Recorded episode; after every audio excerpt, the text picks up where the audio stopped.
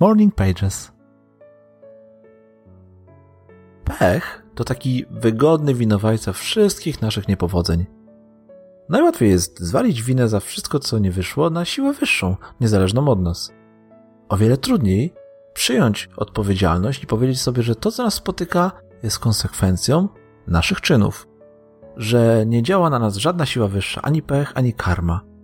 A w związku z brakiem pecha, nie można też mówić o szczęściu, rozumianym jako tą samą siłę wyższą, ale działającą na naszą korzyść.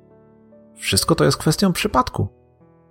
Z drugiej jednak strony, czy ludzie wytrzymaliby aż taką odpowiedzialność? Czy brak możliwości zwalenia winy za to, co dobre i złe w naszym życiu na siłę wyższą nie spowodowałoby zbyt dużej frustracji? Może więc pech i szczęście są potrzebne?